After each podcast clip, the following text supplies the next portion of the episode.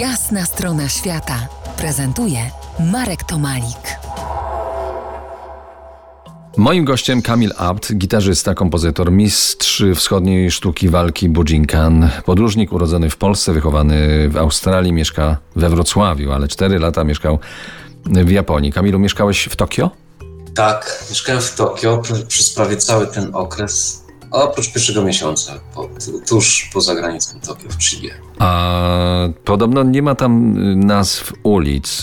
Słyszałem, że dane miejsce lokalizuje się y, jakoś za pomocą telefonu. Jak to wygląda? Czy dobrze usłyszałem? Dobrze słyszałeś. Główne ulice mają nazwy, ale faktycznie te mniejsze już nie. Chociaż to nie jest do końca, to, to nie jest telefoniczne, tylko jest jakiś system związany z numerami. Nie do końca go zrozumiałem ale chyba sami Japończycy mają z tym problem, ponieważ każda wizytówka jakiegokolwiek zakładu, czy firmy, czy szkoły y, ma na drugiej stronie mapę, przez którą można znaleźć dane miejsce. Jak każdy mam y, pewne wyobrażenie o Japonii, o jej mieszkańcach. Japończycy intrygują mnie swoją odmiennością, która ma dla nas bardzo ostre granice, coś jak między, jak, jak życie między, między biegunami. No bo z jednej strony jest to społeczeństwo mocno technologicznie zaawansowane, chyba nawet bardzo, a z drugiej strony bardzo konserwatywne. Jak oni sobie z, tymi, z tym życiem między biegunami radzą? Jak wylądowałem w Tokio w, w, roku 2000, to miałem problem z zapłaceniem za zakupy kartą kredytową i w, w, znalezienia bankomatów, o dziwo.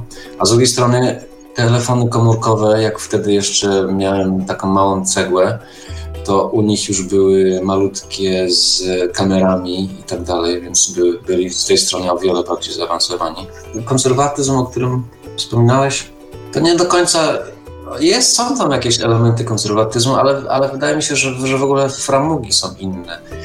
Ramy jakby, że, że może to się wydawać jako konserwatyzm, ale z drugiej strony tak, jest coś takiego, taka instytucja Love Hotel. Oni to w zasadzie i to są hotele, ze względu na to, że, że, że większość Japończyków mieszka w malutkim mieszkaniu, w malutkich mieszkaniach, nie zapraszają do siebie gości, więc randki często się odbywają właśnie w takich hotelach. To znaczy po randce się idzie do, zamiast do, do, do kogoś do domu, to idziesz do takiego hotelu i tu nie, nie, ma żadnej jakby tutaj nikt się nie wstydzi, nie ma tutaj jakiegoś takiego czegoś, że, że, że to jest nie tak. Po prostu jak już związek dojdzie do takiego stopnia, że można się pogłębić w ten sposób, to się idzie do hotelu. I, no i to w ogóle nie jest konserwatywne. Ca cała ta symbolika związana z wiśniami, to chodzi o, o to, jakie jest ulotne i krótkie, aczkolwiek piękne życie.